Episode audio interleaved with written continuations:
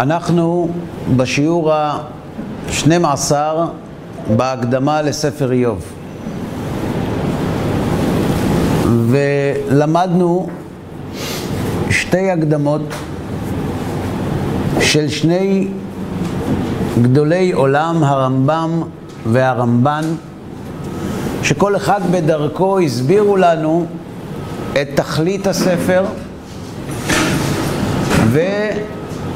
ובקצרה סקרו את התכנים שמופיעים בו ולמדנו שיש הבדלים בין שיטת הרמב"ן לשיטת הרמב"ם בהתייחסות לספר איוב ומי שירצה לדעת את הדברים יוכל להאזין או לצפות בשיעורים שכבר למדנו.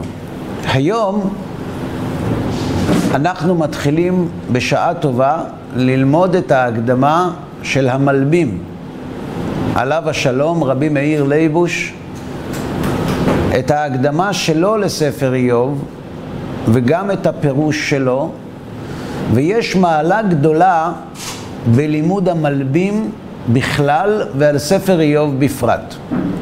המלבים חי אחרי הרמב"ן וגם אחרי הרמב"ם, והוא ידע את מה שאמרו שני גדולי עולם אלו, והוא מכניס ומתייחס לתכנים שלהם גם בפירוש שלו. המיוחד בפירושו של המלבים זה שהוא מנסה להבין כל משפט, כל מילה, כל פסוק, ולא לתת להנחה שהכותב חוזר על דברים כדי לחדד אותם או לחזק אותם. כלומר, לכל פרט בספר יש חשיבות, יש משמעות. והוא בגאונותו מנתח את הדברים ואפשר לראות זאת כבר בהקדמה. כותב המלבים, הספר הקדוש הזה מבואר מעניינו שהוא ויכוח ערוך על רוע הסדר הנראה בהנהגה. כלומר, הספר הזה עוסק בחוסר התיאום, היעדר התיאום שיש בין ההבטחות לבין המציאות, בין הקיום של המצוות, בין היושר לבין הצדק.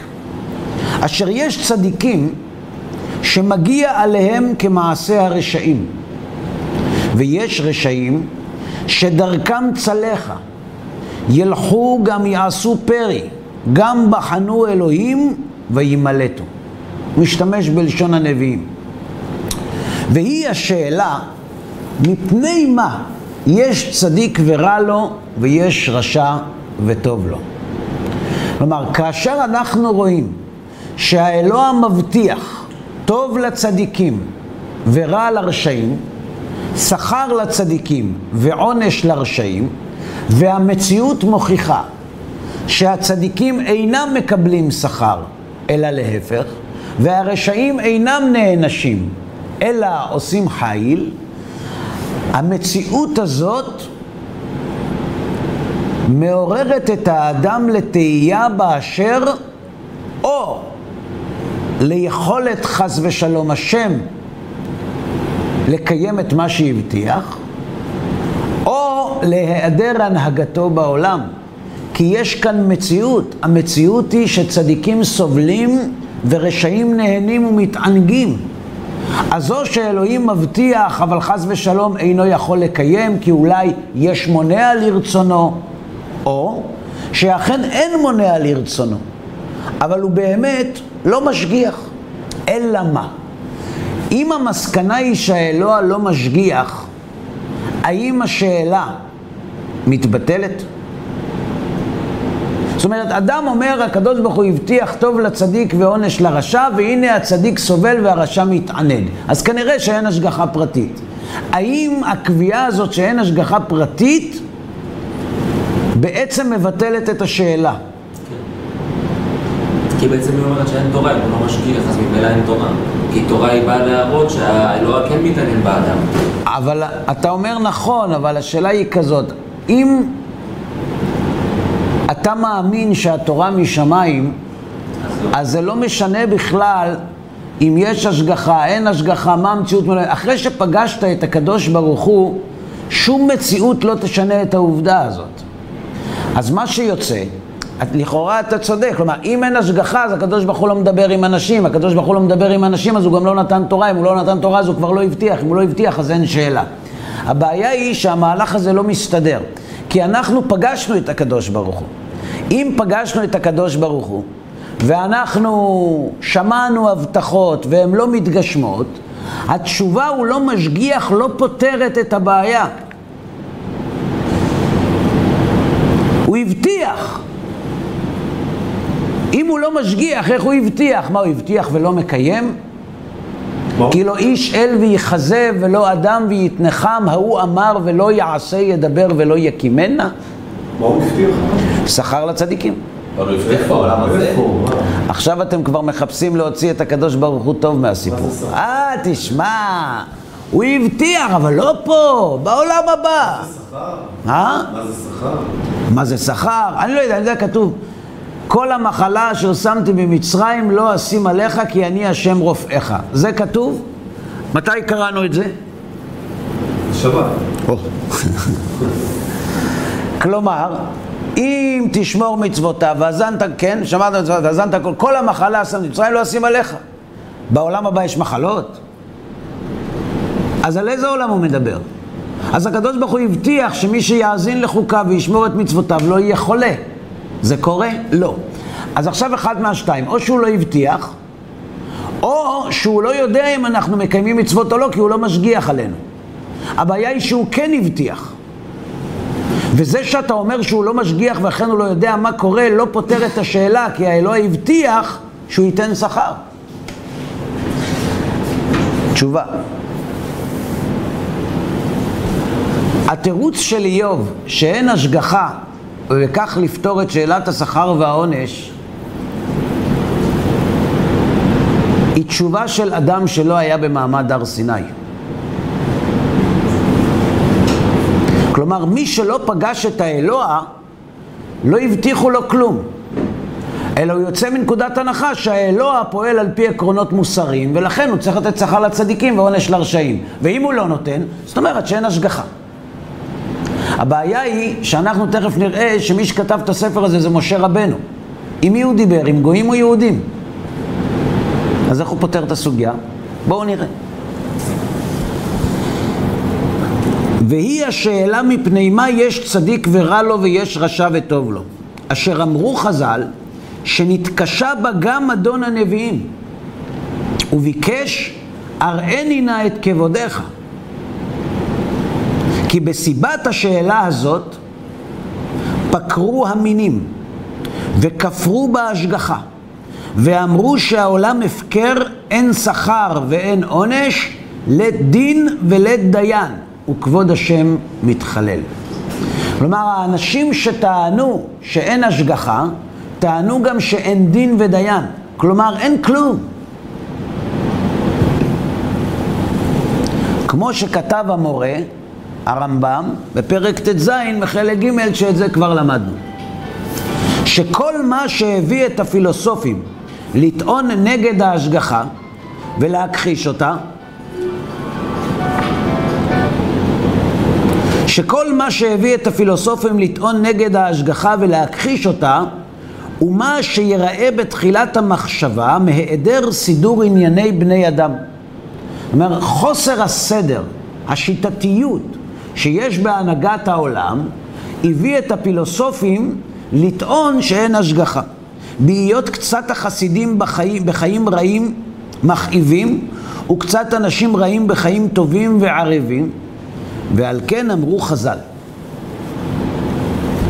שמשה עליו השלום כתב ספר איוב. למה משה כותב את ספר איוב? כי בני ישראל במצרים סובלים, והוא תפקידו לבוא לגאול אותם ולומר להם הגיע זמן גאולתכם, והוא חושש שהם לא יאמינו. הוא חושש שהם ישאלו אותו איפה היה הקדוש ברוך הוא כשקברנו ילדים בקירות? למה רק עכשיו הוא בא? אז צריך להכין להם תשובה. צריך להכין תשובה מדוע אנשים צדיקים סובלים. ומדוע רשעים עושים חיל? והוא כותב להם את ספר איוב. ואמרו במדרש שהיה מנחם בו את בני ישראל בהיותם תחת סבלות מצרים. כלומר, הספר הזה הוא בעצם הד היסטורי למילים שאמר משה לבני ישראל כאשר הם היו משועבדים לפרעה במצרים. זה שהוא נבחר על ידי הבורא? הוא כתב את זה? אני לא יודע, תכף נראה. אבל איפה, איפה, איפה עסקו בספר איוב? במצרים. כי הוא היה הראשון שחקר ודרש על שאלה זאת. ובטרם נגלה אליו דבר השם, עיין וחקר על זה בדרך החקירה והעיון. קיבלת תשובה? בטרם יום. כן. ואת אשר העלה בזה בכוח שכלו ודרישתו העלה על ספר בדרך ויכוח. כלומר, משה רבנו, לפני שהאלוה מתגלה אליו, רואה את אחיו סובלים, וירא בסבלותם, מביא רש"י מדרש, היה נותן עיניו וליבו להיות מיצר עמהם, והיה אומר מי ייתן מותי תחתיכם. כלומר, היה נושא בעול עם אחיו המשועבדים לפרעה במצרים. ובמה היה מנחם אותם? בספר איוב. מהו ספר איוב? הוא בעצם תוצאות המחקר הפילוסופי של משה רבנו על שאלת צדיק ורע לו, רשע וטוב.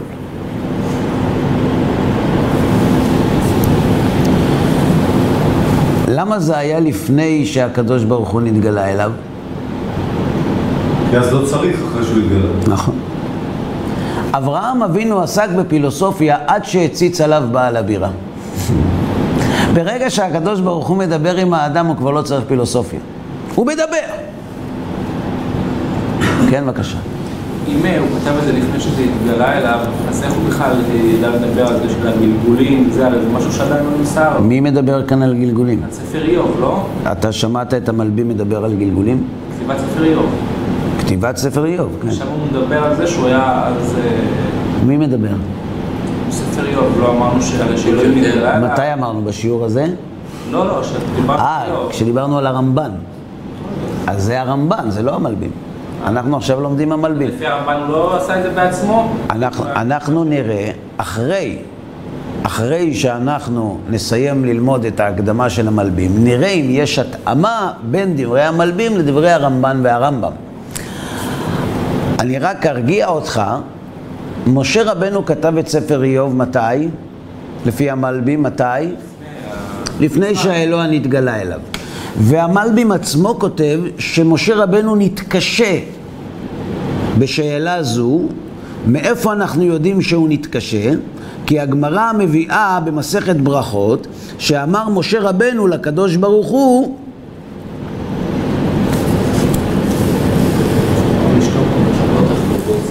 לא, לא, לא, קראנו את זה, לא שמעתם?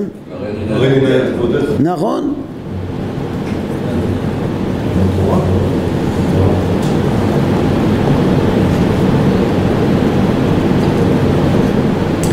ועל כן אמרו חז"ל שמשה עליו השלום כתב ספר איוב, כי הוא היה הראשון שחקר ודרש על שאלה זו, ובטרם נגלה אליו דבר השם עיין וחקר על זה בדרך חקירה והעיון, ואת אשר העלה בזה בכוח שכלו ודרישתו, העלה על ספר הזה בדרך ויכוח, קיבץ בו את כל הדעות והסברות אשר יוכל השכל לדבר בדרוש הזה ובעניינו. כלומר, משה רבנו בעצם אסף את כל האפשרויות, את כל ההיבטים השונים של העיסוק בשאלת צדיק ורע לו. הבעיה היא שהראני נא את כבודך מתי הוא אמר? לקראת הצור. בנקרת הצור, זה כבר היה אחרי שהאלוה דיבר איתו, ועדיין קושיית צדיק ורע לו נותרה בעינה. מה אנחנו מבינים מזה? שספר איוב לא עונה על שאלת צדיק ורע לו בלי לפגוש את הקדוש ברוך הוא. איך בכלל הוא ידע שהוא ילך לגאול אותה? זה רמז לתשובה. זה שילך לגאול אותם זה הוא ידע כי אנחנו הבטחה יש בידינו. פקוד פקדתי, פקוד יפקוד אלוהים אתכם. כלומר, בני ישראל ידעו שצריכה לבוא גאולה באיזשהו שלב. כמו שידע שהוא זה שצריך ללכת לגאול לפני שהשם יתגלה. הוא לא ידע. הוא ידע שהוא צריך לנחם את בני ישראל מפני שהוא יהודי, הוא עברי. אמנם הוא גדל בביתו של פרעה, אבל אחיו סובלים, אז הוא הולך לסבול יחד איתם, הוא לא בא לגאול אותם. זה היה כשהוא עוד היה בבית פרעה. בוודאי. ובא הסיפור. איך משה רבנו מספר את הסיפור? שאיש אחד גדול מכל בני קדם, אשר העיד האלוהים עליו כי אין כמוהו בארץ, עם סגולה. זאת אומרת, האלוה מעיד עליו שהוא צדיק, בתום ובישרת לבב וביראת אלוהים וסור מרע. כלומר, אתם בני ישראל צדיקים גמורים. אין בכם שום פגם, זה שאתם סובלים, אל תחפשו בכם אשמה, אתם לא אשמים בכלום, אתם צדיקים גמורים. אלא מה אתם שואלים איך אתם סובלים? אני אספר לכם על איש אחד שהיה תם וישר וירא אלוהים ושר מרע ולמרות זאת סבל.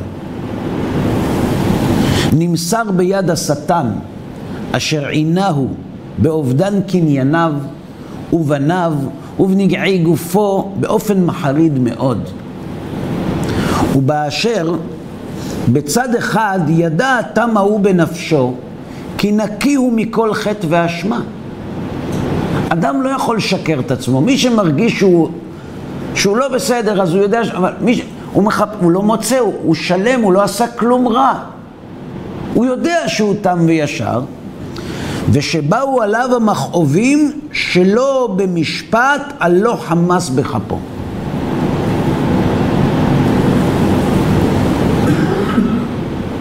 ובצד אחר, עודנו מחזיק בטומאתו להאמין אמונת אומן, שאי אפשר לייחס להשם ברוך הוא השלם בתכלית השלמות, איזה עוול או חסרון ידיעה, יכולת או רצון. כלומר, איוב זה עם ישראל, רק זה מתרכז באדם אחד, והוא צדיק, תם, ישר, ירא אלוהים ושר מרע. והוא יודע שהוא כזה. מצד שני הוא סובל על לא עוול בכפו. אז מה הוא יגיד? הוא יכול להגיד שחס ושלום אלוהים רע? אי אפשר להגיד שאלוהים רע. למה אי אפשר להגיד שאלוהים רע? כי הוא לא חסר. ואם האלוה לא חסר, אי אפשר שהוא רע. לכן, הוא לא יכול לייחס להשם יתברך השלם, שאין בו חיסרון, בתכלית השלמות, איזה עוול, רצון לקחת ממישהו, או חסרון ידיעה, שזה גם חיסרון, יכולת או רצון. זאת אומרת, אם האלוה הוא שלם, זה לא שהוא לא יכול, זה לא שהוא לא רוצה, זה לא שחס ושלום הוא רע, ועדיין הוא סובל. זאת אומרת, יש כאן אלוה מושלם, יש כאן אדם צדיק ויש כאן סבל, איך פותחים את זה?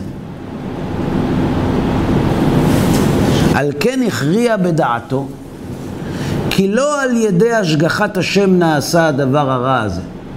זה לא מאת השם, כי השם הוא טוב ומיטיב. כי השם בלתי משגיח על מעשה בני אדם הפרטיים, ולא על גמולם ועונשם, טובם ורעתם. כי מסר כל זה להנהגה הכללית הסדורה מששת ימי בראשית שהיא הנהגת המערכת.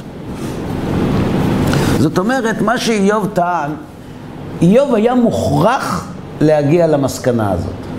אומרת, מצד אחד ברור לאיוב שהוא צדיק. מצד שני ברור לאיוב שהאלוה שלם. אז להגיד שהאלוה לא שלם הוא לא יכול כי הוא שלם. להגיד שהוא רשע הוא לא יכול כי הוא צדיק. אז איך פותרים את העניין? אומר איוב, תראה, האלוה לא משגיח על בני האדם במובן של שכר ועונש. העולם לא מתנהל על עקרון השכר והעונש. העולם למעשה מוכתב מראש. בבריאת העולם סודרו הכוכבים בשמיים, סודר המזל, תוכננה הבריאה, וההצגה חייבת להימשך. כלומר, מה שעתיד לקרות לא תלוי במעשה האדם. אמר רבא, בני חיי ומזוני לאו בזכותה תליה מילתא, אלא במזלה תליה מילתא. פירוש, הדברים הכי חשובים בחיים, החיים, הבריאות, נכון? הפרנסה והצאצאים. זה לא תלוי בזכויות שלך. זה תלוי במה?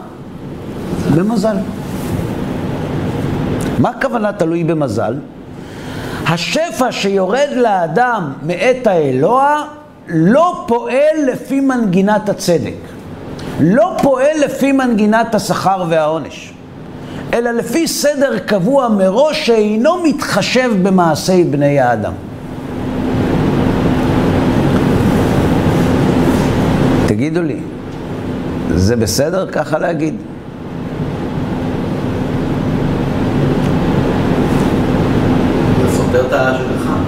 זה נכון, זה סותר את ההשגחה, אתה צודק.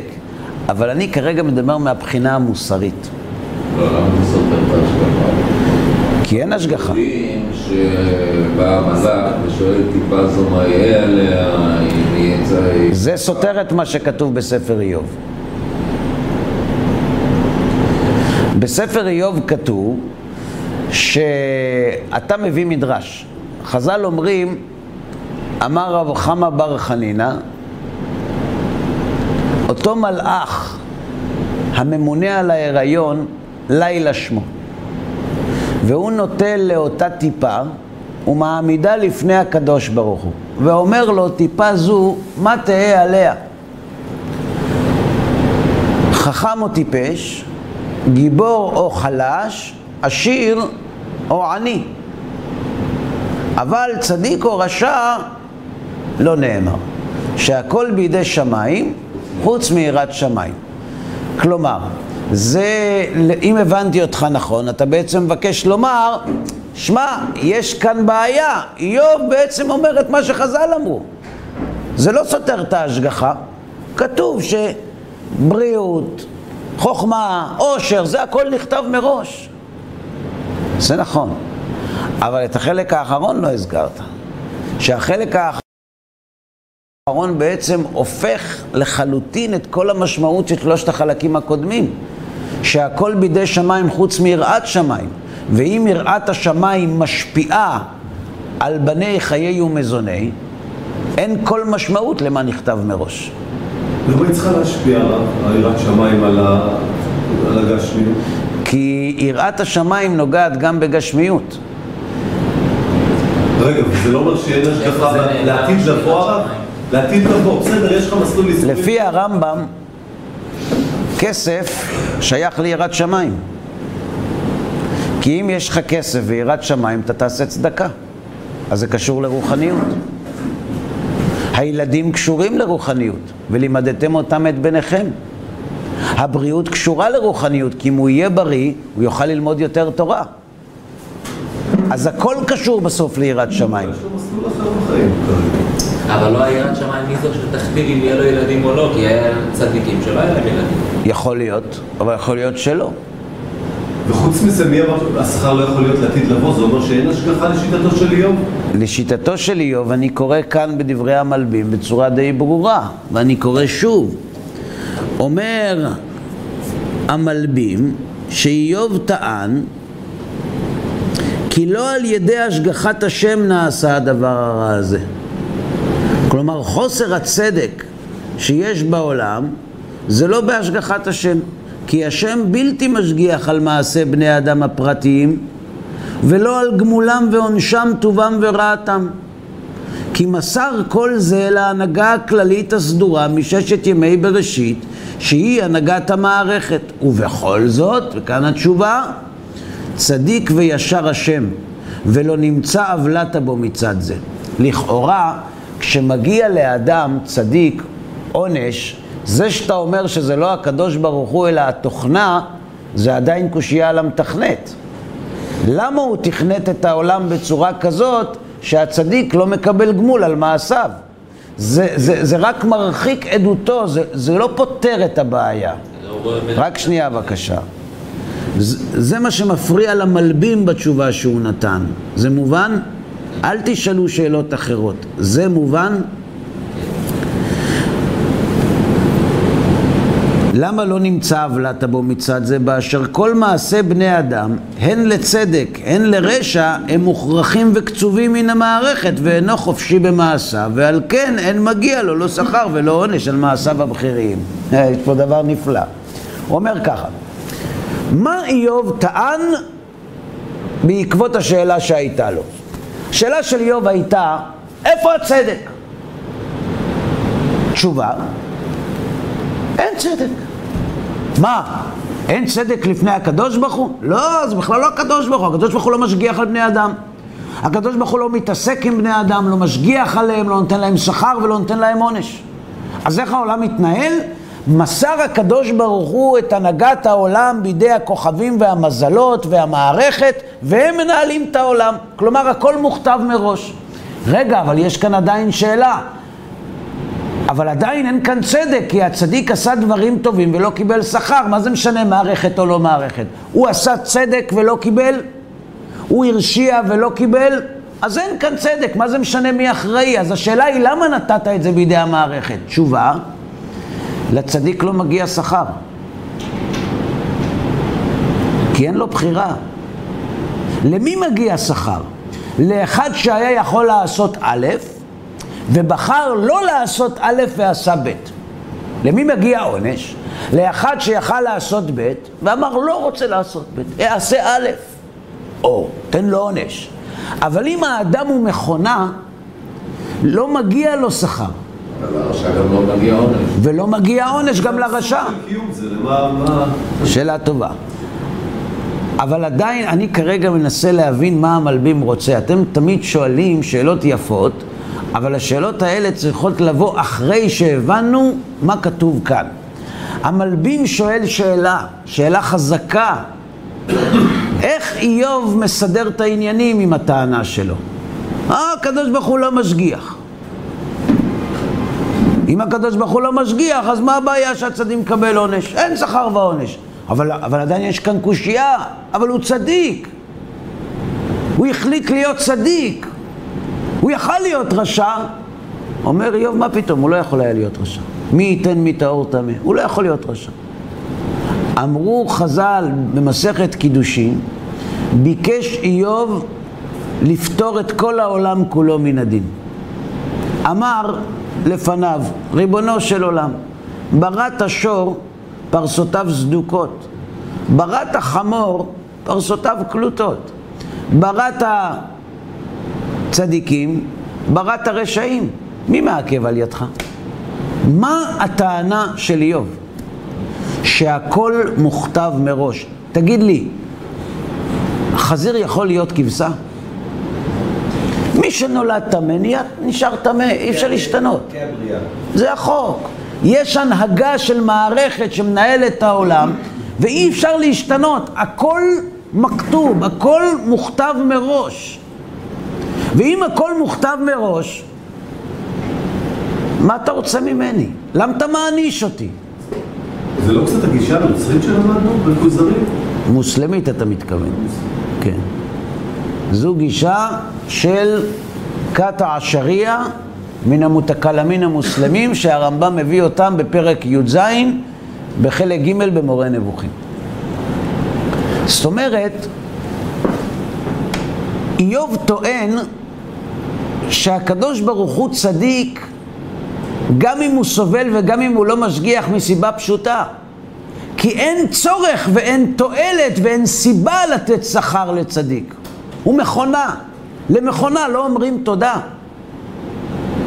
לא ראינו אדם שעומד ליד מכונת קפה, וכשהוא מסיים את המכונה לשים את הקפה בכוס, אומר תודה רבה, צקי למצוות, ניפגש מחר. לא פגשנו דבר כזה, זו מכונה. אגב, יש אנשים שגם לבני אדם מתייחסים ככה, כמו למכונות. אומר המלבים, ועם כל זה, האין מגיע לו לא שכר ולא עונש על מעשיו. למה? ואינו חופשי במעשיו, ועל כן אין מגיע לו לא שכר ולא עונש על מעשיו הבכירים, כאשר לא ישלמו שכר או עונש לרחיים המתגלגלים על ידי הנעת המים, אם יטחנו קמח או ירוצצו ראש איש הקרב עליהם. לא ראינו שמישהו בא לרחיים שגמרו לטחון את הקמח ואומר להם תודה רבה לכם שעזרתם לי היום, או אם במקרה מישהו הכניס את היד שלו למטחנה והיא אכלה לו את היד, לא ראינו שמרביצים לה ומביאים אותה לבית משפט ומכניסים אותה לכלא. זה מכונה. המוסריות והצדק יכולים להתקיים רק במקום שבו יש לאדם היכולת לבחור. ואין בחירה, אומר איוב. אז אם אין בחירה, אין שכר ועונש. אם אין שכר ועונש, אין שום פלא למה הצדיק סובל והרשע מתענן. אה? זו המסקנה, הוא התלונן עד שהוא הגיע למסקנה הזאת. אגב, זו מסקנה מאוד מייאשת. הרבה פילוסופים הגיעו למסקנה הזאת. זה סוג של ייאוש. ככה זה. היום קוראים לזה סטטיסטיקה. כן, אבל למה בן אדם כל כך צעיר, הלך, עשה כל כך הרבה דברים טובים, נהרג בתאונת דרכים? למה? ככה, רגע, ואיוב טוען שהשם לא יודע? ככה. סטטיסטיקה. לא יודע. צריכים להיהרג איקס אנשים בשנה. המולך הזה תובע את קורבנותיו. הקדוש ברוך הוא יודע מה, מה הוא בוחר האדם אבל, לשיטתו של איוב? האדם לא בוחר, הוא יודע? האדם לא בוחר, הוא מתוכנת. זה מה שהוא יודע, הקדוש ברוך הוא מה קורה. לא? הלאה. לא. לא. זה מה שהמלבים מסביר. המלבים מסביר שהטענה של איוב לא מקלקלת יותר. כי לכאורה היא נראית כזאת, כי אם הקדוש ברוך הוא בצורה שרירותית כזאת החליט להתעלם ממעשה הצדיקים ו- ומעשה הרשעים ולהגיד לא מעניין אותי מה אתם עושים, מה אתם בחרתם, זה בכלל לא מעניין אותי, המזל ישפיע עליכם, עדיין פה יש קושייה מוסרית מאוד גדולה. הבן אדם בחר, הוא התאמץ, הוא עשה, למה שמת אותו בידי המזל? למה אתה נותן לו שכר? אומר איוב, לא נותנים שכר למכונה. האדם הוא מכונה. זו הטענה של איוב. מי יבחר להיות צדיק? אה? מי יבחר להיות צדיק? אף אחד. עובדה שיש. לא, הוא לא בחר, הוא מכונה. פשוט כזה. הוא נולד לזה. יש לו הרגשה פנימית. ההרגשה משקרת. זה היה לפני שהם עשו את התורה לשיטתו. אז אפשר לשאול על ה- מדוע הוא מסר את התורה בעצם. נכון. הלאה.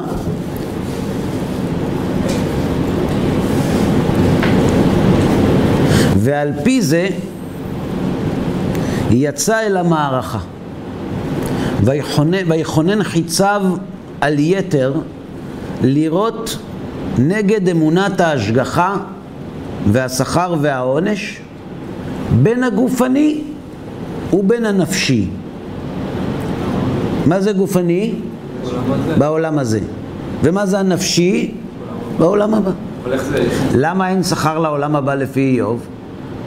כי לא הייתה בחירה. כי אין בחירה. אבל אז המסקנה הראשונה שאין בחירה לא נכונה. למה? כי איך הוא הגיע למסקנה שאין בחירה?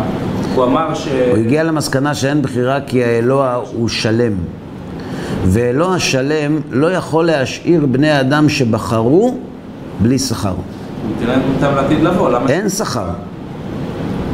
לעתיד לבוא, יכול להיות שיש... האדם הוא מתוכנת. אז אז לא. לא אריסטו הרב? האדם שהוא? מתוכנת, אני לא לימדתי כלום, הרמב"ם לימד, נכון, אבל זה אריסטו. הרמב"ם לימד שדעתו של איוב היא כדעת אריסטו. עכשיו, כן. יש פה מעגל, האדם הוא מתוכנת, אמרנו בגלל שהוא הניח ש- שה- שהוא לא מקבל שכר ועונש אם בעולם. הזה. אני מבין את השאלה שלך. אני, אתה רוצה שאני אגיד מה אמרת? אמרת ככה. אתה אומר, איוב, שהאדם הוא מתוכנת ואין לו בחירה. למה?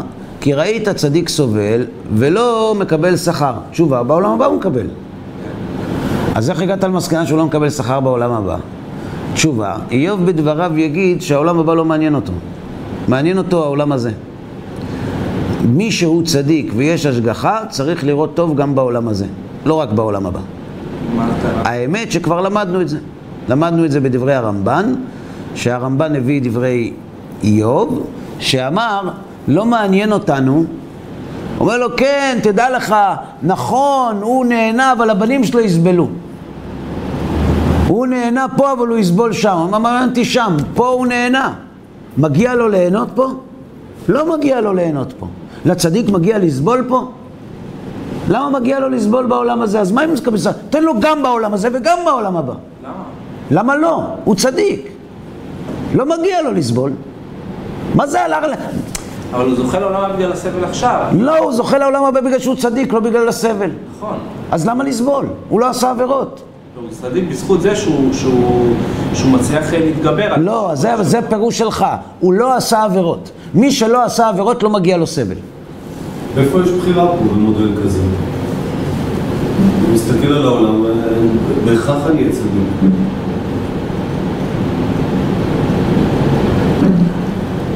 מי שבהכרח יהיה צדיק, יכול להיות גם בהכרח רשע. לא, אבל אם אתה אומר שיש שכר, אז... אה, אני לא אמרתי שיש שכר. אני, אני קורא את המלבים. אני לא אמרתי שיש שכר. אני אמרתי הפוך. אני לא יודע אתם... אני לא יודע מה קרה לכם היום. אני אומר בצורה מפורשת שאיוב טוען שאין שכר ועונש ואין בחירה והכל מוכתב מראש והאלוה יוצא טוב מהסיפור כי למכונות לא נותנים שכר ועונש. אגב, למה לא? כתוב שאת השכר מקבלים על מצוות, לא על בחירה, אלא על מצוות. על זה שבחרת לעשות את המצווה. לא, על זה שעשית את המצווה, לא רק על זה שבחרת. למה? מי אמר לך את זה? לא כתוב ככה? שאת השכר מקבלים על המצוות? מקבלים שכר על עשיית המצווה. נכון. אבל אם תסתכל על מצוות לא תעשה, חז"ל אומרים שאדם שישב בטל כל היום ולא עשה עבירה, מעלה עליו שכר כאילו עשה מצווה. ועל זה אומרת הגמרא, ובלבד שבא לידו ולא נכשל. מה זאת אומרת בא לידו ולא נכשל? הוא נתנסה ובחר לא. ועל מצוות עשה. מצוות עשה אותו דבר. כשאדם מקיים מצוות עשה, אם הוא היה מוכרח לקיים אותה, אנוס, מכונה, הוא לא קיים מצווה. הבחירה, המחשבה, היא זו שמביאה את האדם לקיים את המצווה. אם אין בחירה, אין מצווה. אין כלום. על פי זה יצא אל המערכה ויכונן חיציו על יתר לראות נגד אמונת ההשגחה והשכר והעונש בין גופני בין נפשי ונגד חופשיית הבחירה בטענות פילוסופיות אדירות ובצורות מכוננות על אדני המחקר והעיון. איוב היה לו מספיק זמן לשבת במרירותו ולהוכיח לכל העולם שאין בחירה ואין שכר ועונש ואין השגחה פרטית. גם בעולם הבא הוא אומר? גם בעולם הבא. וכנגדו יצאו אל המערכה שלושה גיבורים, נושקי קשת לימין האמונה, לברר ולהוכיח כי יש אלוהים שופטים בארץ, ושעיניו פקוחות על דרכי איש לתת לו כדרכה וכפרי מעלליו, ושהאדם הוא השליט במעשיו וחופשי בבחירתו, ושהאלוהים הוא לבדו, הוא המנהיג כל ענייני העולם בהשגחתו הפרטית, לא זולתו. הפוך לגמרי. כלומר, יש כאן את איוב, שטוען נגד ההשגחה, השכר והעונש והבחירה החופשית, ושלושה חברים שבאים ותוקפים כל אחת ואחת מהטענות שלו. וגם המה שמו אותותם אותות ברוח המחקר והעיון אשר התנוסס עליהם בחוכמה. ודעת. כלומר, היה ויכוח פילוסופי בין איוב לבין החברים שלו על שלושת היסודות האלה. אולם טענות המכחיש וראיותיו גברו על תשובותיהם. כלומר, הטענות של איוב היו חזקות יותר מהתירוצים של החברים שלו. כלומר, שלושת החברים של איוב לא הצליחו לתת לאיוב תשובה. מי זה לא הצליחו לתת לאיוב תשובה? לא הצליחו לתת לבני ישראל תשובה. כלומר, הטענות שטענו שלושת החברים של איוב, אלו טענות שאנשים משתמשים בהן כדי להשיב על שאלת השכר והעונש, והן תשובות חלשות מאוד. השאלה יותר חזקה. וכשהשאלה יותר חזקה מהתשובה, התשובה לא תשובה. ונושקי רומי קשת אלה הפכו ביום קרב כי גבר אויב. לא הצליחו, נכשלו. או אז קם ויתעודד גיבור משכיל, צעיר לימים, מלא לקח, ויקרב אל המערכה בכוח גדול ובלשון מדברת גדולות, מפניו חטו אדירים, החרישו לא ענו עוד בלשונם לחיקם דווקא, ואחריהם ישאג כל השם, אשר נגלה מן הסערה, חוצב להבות אש, ויגידו שמיים צדקו כי אלוהים שופט וסלע. ואז הגיע מישהו שנתן לאיוב, כמו שאומרים, בשיניים, ואחריו בא הקדוש ברוך הוא. מה הוא אמר? לא כתוב כאן. כתוב כאן שבא מישהו שדיבר חריף מאוד, ואחריו בא הקדוש ברוך הוא. כלומר שלבד, גם הוא לא מספיק. הוא אמנם שונה משלושת הראשונים, הוא דיבר דברים של טעם, דברים חזקים מאוד כנגד הטענות של איוב, אבל כדי לאשרר את הטענות שלו, אנחנו זקוקים להתגלות אלוהית. בצאתכם ממצרים תעבדון את האלוהים על ההר הזה. דעו לכם, זאת התשובה, אומר משה, אבל כדי להוכיח לכם שאני צודק, אתם צריכים לפגוש את הקדוש ברוך הוא, אז אם תצאו איתי ממצרים, אתם תפגשו אותו, ואז תבינו שכל מה שאמרתי לכם נכון. אליהו לבד, תשובתו היא יכולה להיות אופציה מעניינת למחשבה, חשיבה מחוץ לקופסה, אבל מי אמר שזה נכון? כדי לדעת שזה נכון, אנחנו צריכים התגלות של הקדוש ברוך הוא.